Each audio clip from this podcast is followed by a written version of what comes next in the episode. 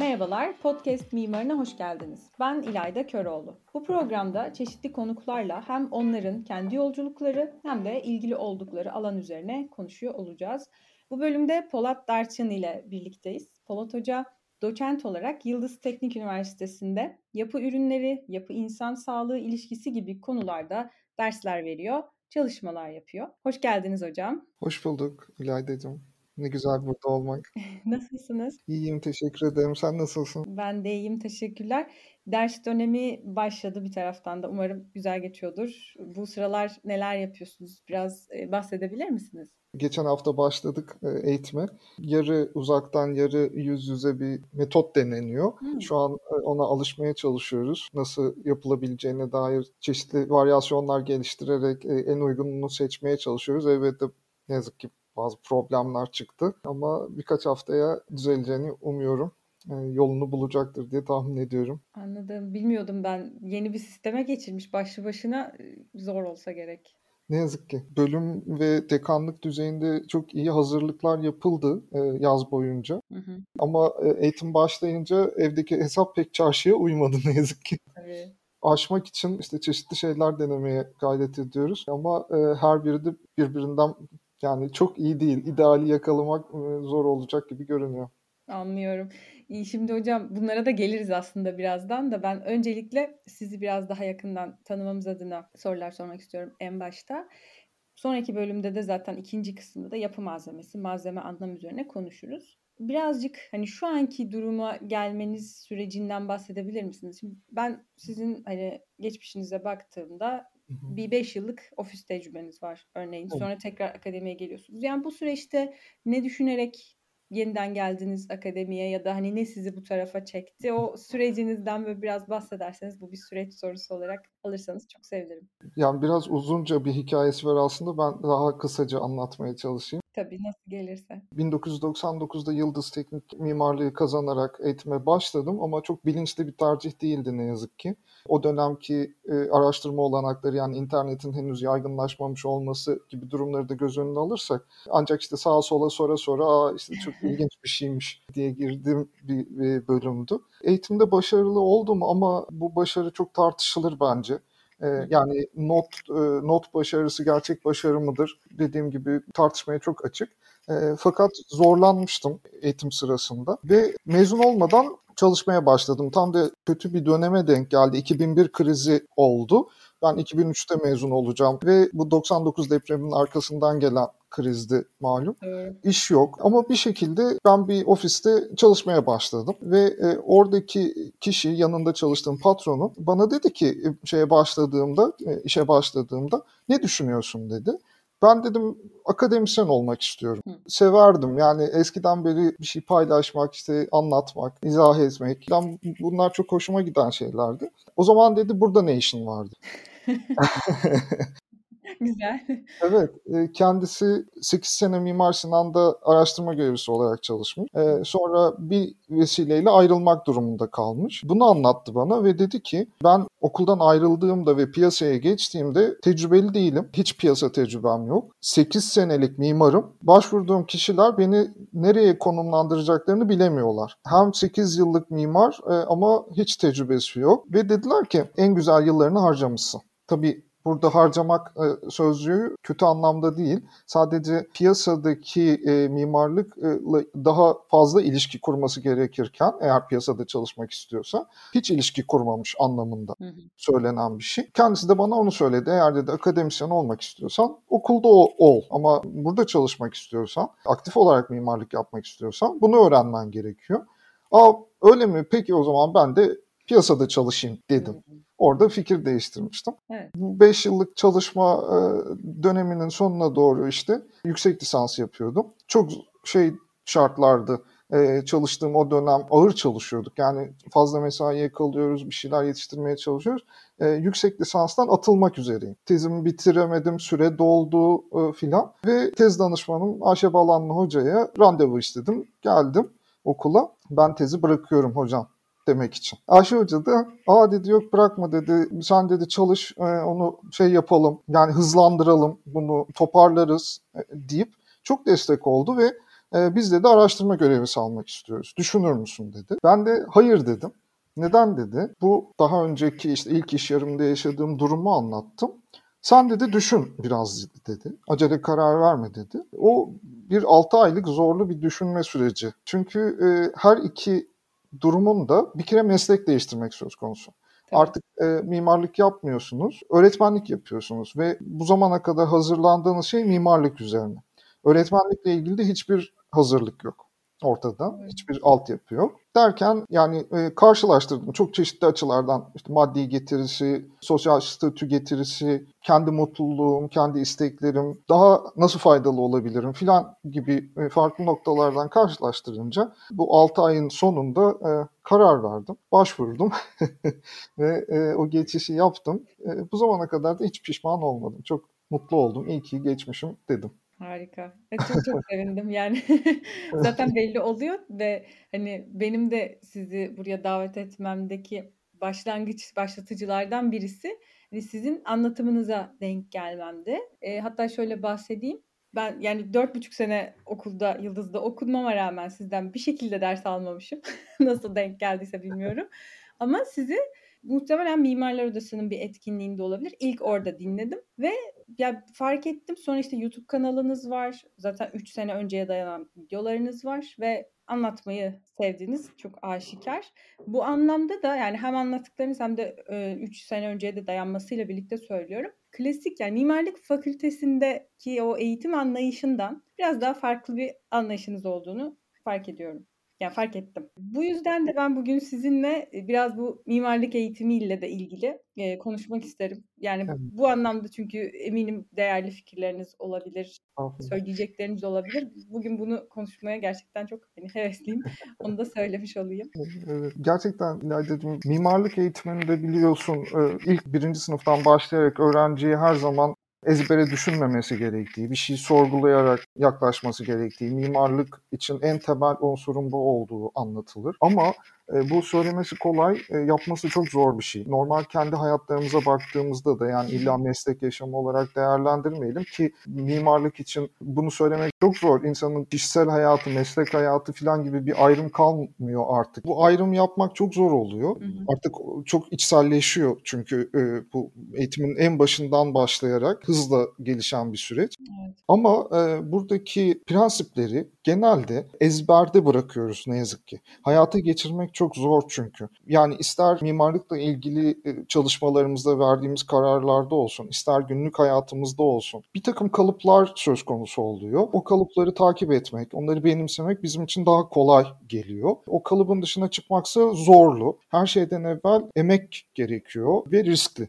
sonuçlarda e, olumsuz olabilir. Bu durum bu prensiplerin öğretildiği kurumda da o kurumun o kuruma ait insanlar o kurumla ilişkili olan insanlarda da e, söz konusu. Belki tabii burada gene mimarlık için çok kullandığımız bir şey tek doğru yoktur. Farklı değil mi? Farklı koşullarda farklı doğrular e, aramak gerekir. Hatta orta öğretimden çıkan öğrenci için yıkılması gereken belki de en büyük kalıplardan bir tanesi budur. E, Çünkü tek doğruya Zor. alışmıştır, değil mi? Hep Evet, öyledir. en zorlardan birisi bu yani.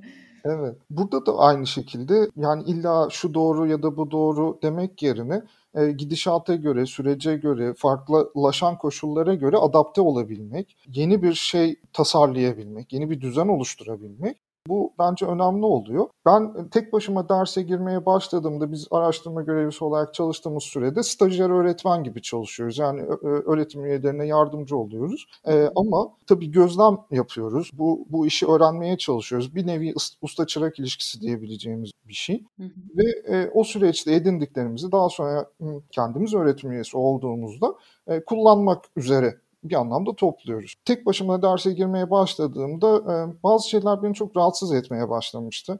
E, mesela dersle ilgili konuların hangi ders olursa olsun anlatım biçimini e, ni daha iyi irdelemek. Yani karşı tarafa ulaşıyor mu, ulaşmıyor mu? Öğrenebiliyor mu, öğrenemiyor mu? Hmm. Öğrenci sıkılıyor mu, sıkılmıyor mu? Evet. Yani tek taraflı gibi oluyor böyle de. Evet, bu şekilde bakmaya başlayınca da acaba olumsuz giden bir şeyler varsa ortada, yani öğrenci sıkılıyorsa, yeterince ilgi göstermiyorsa, dolayısıyla burada verilen konuları öğrenmesi gerçekleşmiyorsa, içselleştiremiyorsa bunu acaba nasıl kırabiliriz, nasıl değiştirebiliriz, farklı öğretim metotları var mı diye düşünürken işte biraz Hımm. soruştururken, biraz sağdan soldan karşılaştığım şeyleri okurken işte 3-4 yıl önce bir ters yüz eğitim metodu diye bir şeyle karşılaşmıştım.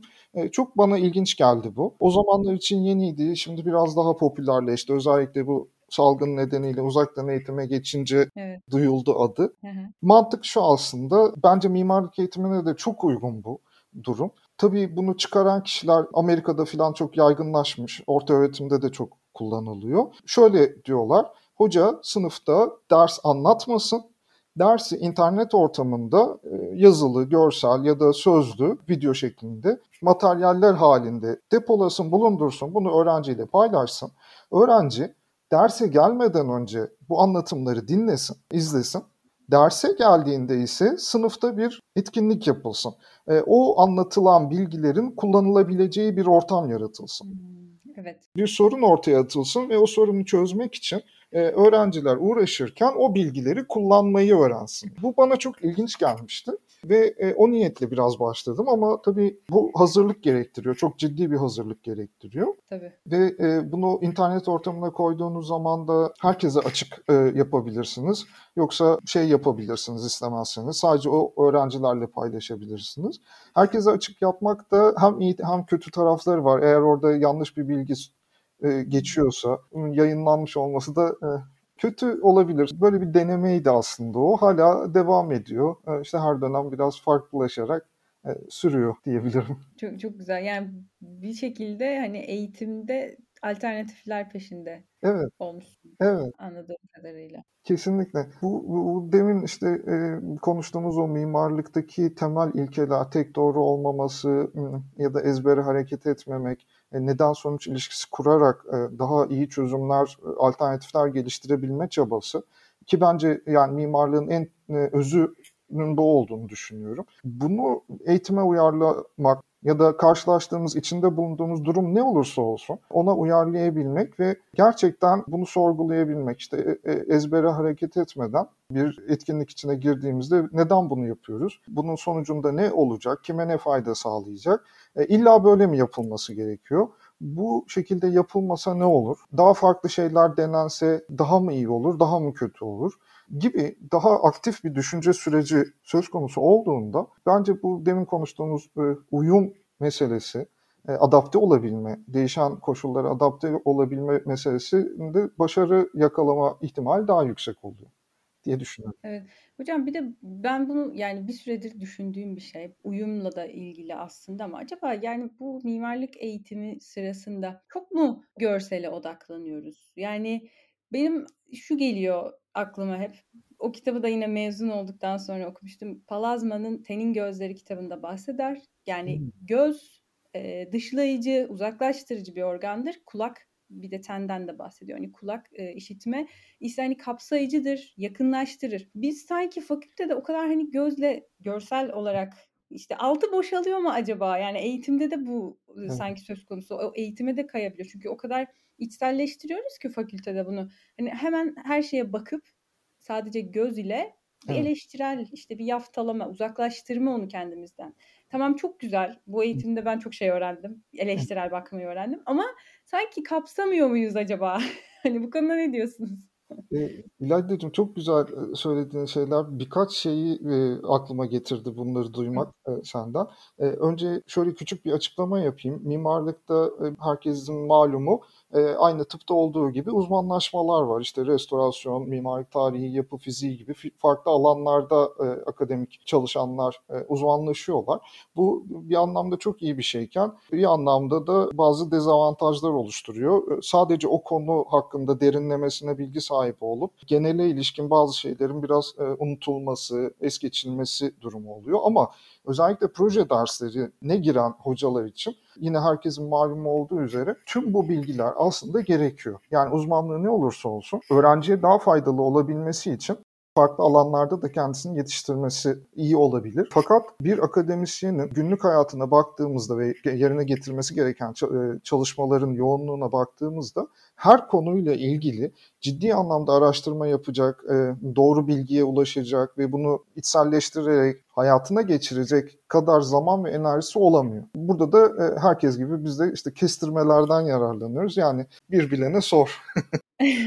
evet. Bu oluyor. Tabii iyi mi değil mi ayrı tartışılır ama e, şöyle bir şey yaşamıştım. Bu deminki konuşmalar üzerine aklıma gelen ilk hususlardan bir tanesi oydu. Bu işte birinci sınıfta teknik resim dersi vardır bütün mimarlık bölümlerinde. Orada önce yazı yazarak eğitim başlar. Hatta bununla ilgili işte komik e, anılarını paylaşan birçok öğrenci var okula ilk geldiğinde burada işte dik yazı yazılır filan bir mimar yazısı vardır. Bazı hocalarımız benim yok öyle e, ama işte bazı hocalarımız da var birçok mimar da var. O yazı çok karakteristik hale gelir. Hem herkes de farklılaşır hem de anlaşılır. Yani onu kim görürse görsün ne kadar farklı varyasyon çıkarsa çıksın. Bakan kişi der ki Aa, bu mimar yazısı. Şimdi bu yazıyı çalışıyor öğrenci çalıştırıyor. Mimar tasarıma giriş e, ilk dönem proje dersinde bir öğrenci arkadaş çok uğraşarak olarak e, bir güzel pafta hazırlamış. İlk jüriye çıkacak ama yana yatık el yazısıyla yazmış. Paftayı o onunla oluşturmuş. Çok hoş bir yazı. Şimdi olmuş mu diye gösterdi.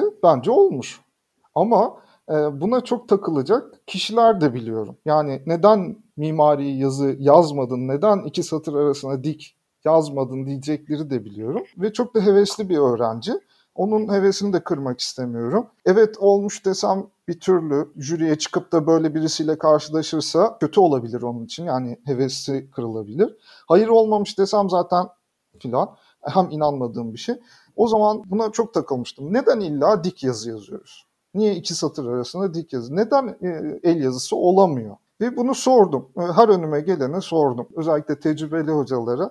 Yani şöyle dediler mesela Ayhan hocamız, Ayhan Beyur hoca. O, o da aynı şeyi söyledi. Başka hocalarımız da söyledi. Böyle bir zorunluluk yok. Kendi içinde bütünse, kendi içinde bir anlamı varsa, tasarlanmışsa e, neden olmasın? Her türlü yazı kullanılabilir demişti. Bu benim için mesela bir kırılma yaratmıştı. Aa gerçekten öyle. Neden o zaman bu kalıplara şey yapıyoruz? Bu görsellik meselesi de bence aynı noktada. Tabii eğitim boyunca, tasarım süreci boyunca tamamen görme üzerine giden bir, bir süreç. Ama yarattığımız mekanlar, oluşturduğumuz mekanlar oradaki kullanıcının beş duyusuna hitap ediyor. Bunu e, çok fark etmiyoruz. Bu söylediğin hususla ilgili aklıma gelen ikinci hatıra diyeyim. E, o da şu. Birinci sınıf ikinci dönem Hı. projesi. Bir öğrenci arkadaşımız e, konut tasarlıyor. Jüriye çıkacak gene. İkinci jüri yani dönem sonu yaklaşılmış ve mekanlar belirlenmiş e, kütle belirmiş. Normalde bildiğimiz gibi işte pafta hazırlanır, plan kesit görünüşler e, belli sırayla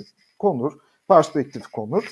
E, onun zaten bir formatı vardır. İkinci jüri için istenenler şunlar şunlar şu boyutta paftada yer alacak filan diye. Benim grubumda değil bu arada o öğrenci arkadaşımız.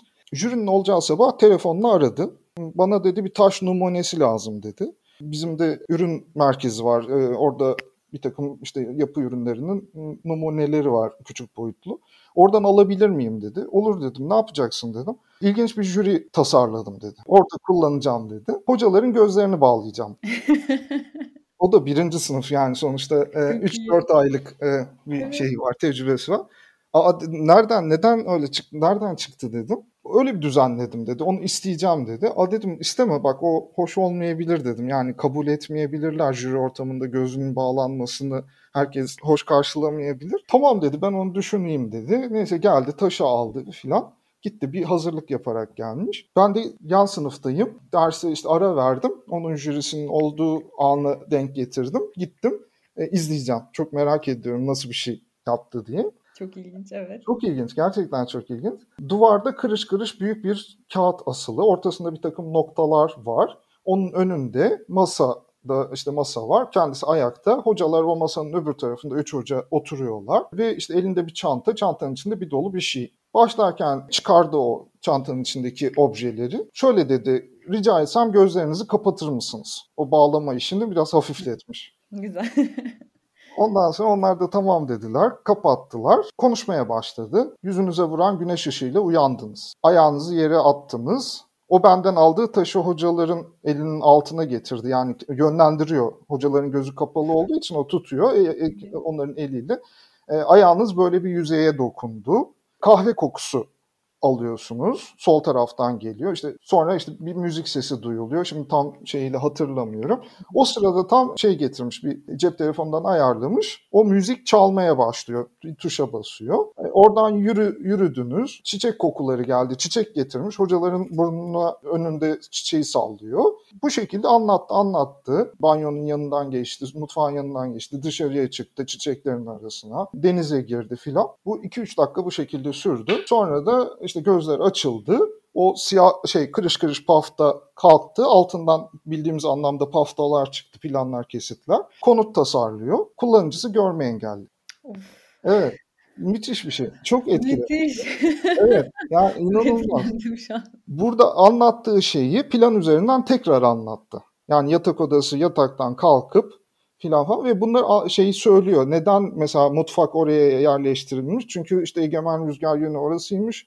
Oradan gelen kahve kokusunu yatak odasına getirecekmiş. Tavan cammış. Oradan güneş ışığı gelecekmiş. Ve şeyi şu. Yani yaptığı düzen çok basit bir şey. Basit derken şey anlamında söylüyorum. Hani hiçbir maddi getiri gerektirmiyor. Ekstra bir alet bir şeye ihtiyaç yok. Ama son derece etkili. Ee, ve çok aslında kolayca yakalanabilecek bir temele dayanıyor. Şunu söyledi. Eğer benim kullanıcım görme engelliyse ben ona projeyi nasıl anlatırım? Plan üzerinden yani pafta üzerinden anlatamam ki. Bu kadar. Yani böyle bir şey yakalamış olması tüm bu kurguyu yaratabilmesini sağlamış. Daha sonra işte bu sabahtan oluyor. Öğleden sonra başka bir proje dersim var. Orada girdim. İsim vermeden anlattım bunu. Girdiğimde ikinci sınıf dersi. Onu dinleyen öğrenciler arasında tanıyanlar var. Birisi dedi ki aa hocam anladık kim olduğunu söylemenize gerek yok dedi. O bu işi yapabilecek bir öğrenci var bu okulda dedi. Hı. Ben de dedim ki bence bu okulda her öğrenci bu işi yapabilir. Yani e, şunu anımsattı bana. Mesela şöyle olsaydı işte filanca öğrenci jüriye bir hologram cihazı getirmiş. O şeyin sınıfın ortasına yerleştirmiş. E, bir tuşa bastı bütün şeyler hologram olarak canlandı. İşte hocaları e, içinde gezdirdi falan filan. E, böyle bir şey olsaydı evet bunu yapabilecek bir öğrenci var. Çünkü kimsenin böyle bir maddi imkanı yok ya da böyle bir alet yok kimsede. Bu bulmuş demek ki e, filan derdik. Ama deminki örnek öyle değil. Herkes bunu yapabilir. Ama herkes kimse yapmıyor bunu. Neden? E, işte acaba o kalıplara fazla mı bağlı kalıyoruz? Yani illa pafta illa dik yazı, illa bilmem ne noktasına fazla mı takılıyoruz? O fazla takılmak yani hem biz öyle takılıyoruz hem takılmaya zorlanıyoruz, mecbur tutuluyoruz. Böylece takılmakta işte farklı alternatifleri görmemizi mi engelliyor? gibi sorular oluşturmuştu kafamda. Enfes gerçekten. Yani hiç duymamıştım böyle bir şey ve çok etkilendim. E, evet, belki din, dinler e, ileride e, Mert Topaloğlu, bu kurgunun sahibi. Ona da Tebrik ederim. e, selamlarımızı, sevgilerimizi iletmiş olalım. Evet evet harika. İlayda'cığım şey noktası e, önemli. İnsan eğer kendisini geliştirmek istiyorsa benim düşünceme göre e, her şeye açık olmasında fayda var. Her türlü fikir, düşünce, inanış sınırlamaya başladığı zaman bu doğrudur bu değildir filan demeye başladığı zaman aslında kendisini kendi bakış açısını bir anlamda sınırlıyor. Ama e, bu başka bir riski barındırıyor. Çok fazla farklı görüş, çok fazla farklı şeyin bir araya gelmesi de e, insanı başka anlamda kötüye ya da yanlışa sürükleyebilir. E, o zaman e, en iyisi orta yol. Bence her şeyde en iyisi orta yol. Biraz ondan biraz ondan belki en iyisi o farklı olalım, farklı bir şey yapalım derken asıl yapmamız gerekeni de bırakmamamız gerekiyor yani. Kesinlikle. Bir de, bir de şöyle de bir boyutu var bunun. Bir klişeden kaçarken evet. başka bir klişeye de gidebiliriz. Böyle de bir riski var aslında. Çok bence doğru bir şey. Şey yapıyoruz. Ya ben onu biraz böyle günlük hayatımızda da işte arkadaş çevremizde, tanıdıklarımızda filan da gözlüyorum. Hı İki tip genelde insan olduğunu fark ediyorum. İşte klişelerden rahatsız olmayan, onları rahatlıkla takip eden insanlar. Evet. Bazıları da işte klişelerden kaçma derdiyle uğraşıp daha önce e, o klişeyi bozmuş birisinin peşine takılarak Hmm. İkinci bir klişeyi yarattığının farkında olmayan insanlar bana evet, göre. Doğru. Öyle düşünüyorum birazcık. Ya temelde aslında bence en önemli nokta şu. E, neyi neden yaptığının farkında olmak. Sanki bu gibi geliyor bana. İnsan böyle olduğunda e, işte o orta yolu bir şekilde bulmuş oluyor. Evet. Hocam bu arada mimarlık bunun neresinde üzerine de konuşmak ister misiniz? Tabii memnuniyetle. Güzel bir grup. E, hala devam ediyor biraz e, salgın nedeniyle her grup olduğu gibi, her işte eğitimin her bölümünde olduğu gibi zor zamanlar geçirdiler biliyorum etkinlikleri düzenlerken ki ona rağmen güzel etkinlikler yaptılar. E, ben de takipçileriyim e, öyle söyleyeyim. E, ama kurulması e, aşaması çok ilginç olmuştu. Onu merakla bekliyorum sizden. Evet, belki onu biraz konuşmak şey olabilir, iyi olabilir. Bu işte 2016 falan da herhalde tam tarih olarak hatırlamıyorum. O dönemde ben normalde ikinci sınıfın birinci dönemi e, olan bir projeye giriyorum. MT2 Yıldız Teknik Üniversitesi'nde meşhurdur. Bilirim. MT2, MT5 hep ona girdim. Araştırma görevliliğim sırasında da sonrasında da. Ama acaba başka projelerde neler yapılıyor? Ben oradaki hocalardan bir şeyler öğrenebilir miyim? Çünkü her dönem farklı bir konu, mimarlığın farklı bir boyutunun ele alındığı, tartışıldığı bir kurgu var Yıldız Teknik Üniversitesi'nin eğitiminde. Bu gittikçe büyüyen, karmaşıklaşan, odağı farklılaşan projeler serisi halinde. Üst projelere girmekten ziyade daha alt projeler işte mimari tasarıma giriş birinci sınıf projeleri ve MT1 onları denemek istedim. Hı hı. Fakat e, çok da endişelenmiştim çünkü o sırada eğer öğrenci arkadaşlara yanlış bir şey söylersem, yanlış bir yönlendirmede bulunursam e, onları olumsuz etkileyebilirim diye düşünmüştüm. Hı.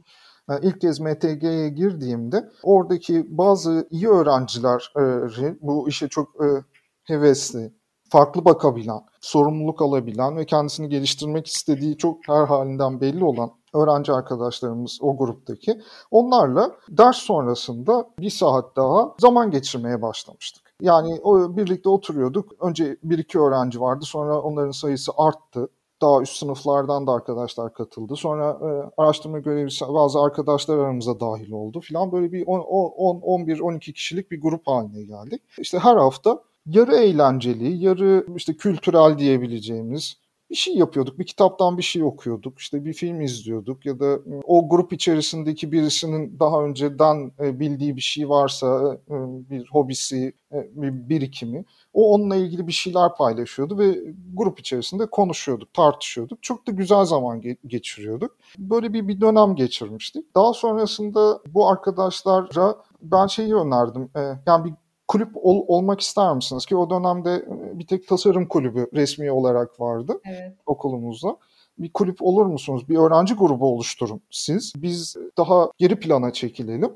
Ee, siz idare edin e, bunu ve bu etkinlikleri herkese açalım. Diğer öğrenci arkadaşlar da isteyenler de faydalansın bundan e, onlar kulüp olmak istemediler ve kulüp olmaları durumunda bir takım e, zorunluluklar söz konusu evet. olacaktı. Formaliteler devreye giriyor. Onu istemediler. Gönüllü bir grup olarak şey yaptılar ve demin bahsettiğim arkadaşımız da işte Mert Topaloğlu ilk e, üyesiydi e, ve isim babasıdır. E, mimarlık bunun neresinde?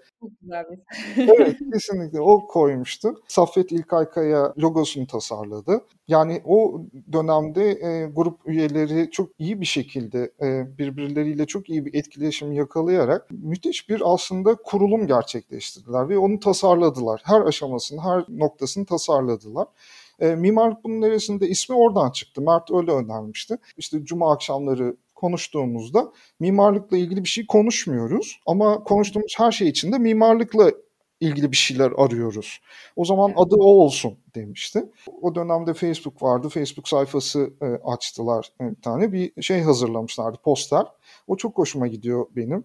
E, hala onu gösteriyorum öğrenci arkadaşlara. Bir kent perspektifi. Yarı diagramatik bir şey. Sokak aralarına gizlenmiş e, kelimeler işte oku, düşün, araştır, sorgula filan gibi yarı görünen, yarı görünmeyen kelimeler. Mimarlık bunun neresinde? Soru işareti. O grup e, bu formatı oluşturduktan sonra e, herkese açık bizim alt kat koridorunda özellikle etkinlikler yapmaya başladılar.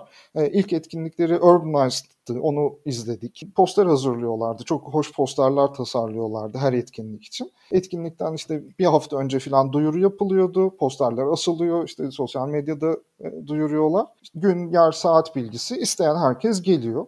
Çok da çeşitli ve farklı etkinlikler yaptılar. İlkinde film izledik. Daha sonra e, Zafer Akdemir ve Ayhan Böğür hocalarımızı mesela söyleşiye davet ettiler. Bir mekan atölyesi düzenlediler. E, çok ilginç bir sergi yaptılar. E, doku sergisi. Hı hı. Benim çok hoşuma gitmişti. E, bizim e, giriş kat koridoruna tavandan sarkan e, iplerle küçük kare e, fotoğraflarla düzenledikleri bir sergiydi. O dönemde benim tabii daha yakın temasım olduğu için o dönemi biliyorum. Daha sonrasında diğer bu bahsettiğim araştırma görevlisi arkadaşlar da aynı şekilde oradan çekildik. Yani çekildik derken takipçileri olduk. O, tamamen onlara bıraktık. Kendi istedikleri gibi e, düzenlesinler ve destek olmaya çalıştık. Tabii o çekildikten sonra iç işleyişlerinin nasıl olduğunu e, gözlemleme şansım olmadı. Sadece etkinliklerine katıldım. E, ama o dönemde daha o iç işleyişini gördüğüm dönemde e, grup üyeleri arasında müthiş bir sinerji. Birbirlerini inanılmaz destekleyecek e, ve e, bu destek sonucunda çok farklı fikirler, farklı etkinlikler, farklı organizasyonlar üretecek bir e, şey oldu. Şunu da gözledim, bilmiyorum e, bu bir tesadüf müydü yoksa gerçekten bu sinerjinin etkisi var mıydı? Bu gruptaki arkadaşlarımız e, çoğu şu an mezun. Çok başarılı oldular. Hem öğrencilik dönemlerinde hem sonrasında yarışma kazananlar, bir dolu ödül alan arkadaşlarımız oldu. İki ihtimal söz konusu. Ya zaten bu potansiyeli olan arkadaşlar bir araya gelip bir grup oluşturdular ve sonuçta beklenen oldu ya da gerçekten bu birliktelik e, onların eğitimine ve meslek hayatlarına olumlu yansıdı. E, ama ne olursa olsun yani güzel sonuçlandı. Bu da e, İlayda'cığım şeyi çok düşündürmüştü. E, bu e, işte formal eğitim, en formal eğitim mimarlık evet. eğitiminde e, değil mi çokça işte atölye çalışmaları başka şeyler düzenleniyor. Bu konuda çok çünkü e, heyecanlı olduğum bir mesele. Yani ben bunu şimdi öncelikle şunu belirteyim. Bu bahsettiğiniz işte o tavandan sarkan fotoğraflar olsun, işte e, Urbanized galiba sergisi evet. olsun.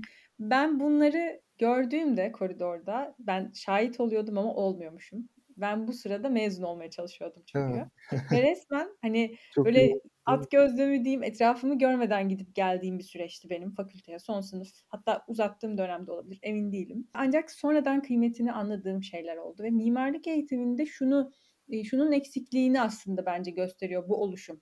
Sosyal bilimlerin eksikliği. Evet. Yani biz sosyal bilimlerle ilgili hiç böyle kıyısından köşesinden geçmiyoruz. Sosyal bilimler demek zaten insan bilimleri anlamına geliyor. E biz ne için tasarlıyoruz mekanları? Çok doğru bir tespit. Niçin tasarlıyoruz? Kesinlikle Dolayısıyla ya bu etkinliğin bence bu insanları, bu katılımcıları da bir şekilde birilerine dokunduysa çok ciddi bir anlamı olmalı ve hani bu göz ardı edilmemeli. Yani bu işte böyle bir şey yaşandı bitti olmamalı diye düşünüyorum. Umarım Umarım bir gün çok daha üst seviyelerde belki akademinin içerisine sızabilir. Bilmiyorum ama yani çok değerli. Bunların e, göz önüne alınması gerekiyor. Belki daha otoriteler tarafından. Ama yani bu görülmeli. İşaret ettiği şey görülmeli. Çok güzel e, İlayda'cığım söylediğin şey gerçekten çok etkili. İki husus e, oluyor burada bu tür şeylerde. E, bu Mimarlık Bunun Neresinde grubundan önce e, bir süre ekibi vardı gene bizim okulda.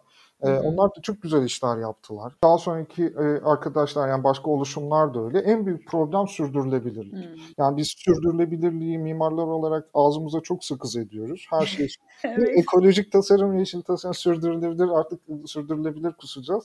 Ama en temel şeyleri sürdürmekte zorlanıyoruz. Yani Çok doğru. Senin söylediğin gerçekten önemli bir şey. Tekerleği her seferinde neden tekrar icat et? Neden önceki oluşumların tecrübelerinden yararlanmak ve onların bıraktığı noktadan daha ileriye götürmek varken e, sıfırdan bir daha başlamak? Evet. Belki de eğitimin yani piyasadaki çalışmalardan farklı olarak eğitimin getirisi bu. Ee, sürekli yeniden bir keşif durumu var. Yani şöyle oluyor, e, benim gördüğüm, anlayabildiğim kadarıyla öğrenci birinci sınıfta giriyor, e, biriktirerek dördüncü sınıfa ulaşıyor. Biz de onunla beraber ilerliyoruz. Ama sonra e, o mezun olup da yeniden yeni öğrenci geldiğinde her şey sıfırlanıyor. Evet. Yeniden bir keşif, yeniden bir biriktirme, gelişme, tecrübe kazanma ve tekrar. Belki doğası gereği böyle bilemiyorum ama Bu birincisi sürdürülebilirlik meselesi. Mesela şunu çok isterdim. Özellikle e, bu birinci sınıf proje derslerinde yaşadığım tecrübeler, öğrenci arkadaşlardan gözlemlediğim şeylere dayanarak bunu söylüyorum. Keşke birinci sınıftaki bu arkadaşların proje tasarım sürecinde felsefe, e, sosyoloji, psikoloji öğrencileriyle birlikte çalışabilecekleri bir e, ortamları olsa. Birinci sınıf mimarlık öğrencilerinin. Projenin gelişim aşamasında özellikle o disiplinlerdeki öğrencilerle birlikte konuşsalar, tartışsalar ve e, tüm bu proje sürecini bu şekilde yaşasalar. Bunun çok e, eksikliği e, gerçekten e, hissediliyor. Mimarlık öğrencisi genelde hep e, arkadaşları mimarlık öğrencisi oluyor. Doğru. Başkalarıyla çünkü o kadar yoğun ki Evet. başkalarıyla görüşemiyor. Ne yazık ki e, görüşse de çok herhalde anlaş yani benim Anlaşamıyor evet. evet biraz zor oluyor çünkü sıkılıyor. E, yani öyle olurdu. Bizim öğrenciliğimiz zamanında sonrasında da öyle. Bir grup olarak bir yere gittiğimizde ağırlıklı mimar başka bir bölümün öğrencisi e, kazara aramıza ka- karıştığında sıkılır. Anlamaz. Sıkılır, evet. Evet. Farklı bu farklı disiplin özellikle sosyal bilimler e, alanından insanlardan beslenebilmek, e, o kaynaklardan beslenebilmek gerçekten çok e, eksikliğini hissettiğimiz bir şey. Hepimiz için geçerli. Kesinlikle. Şimdilik Polat Hoca ile vedalaşmıyoruz. Bir sonraki bölümde yapı malzemesi ve anlam üzerine konuşmaya devam edeceğiz. Görüşmek üzere. Takipte ve hoşça kalın.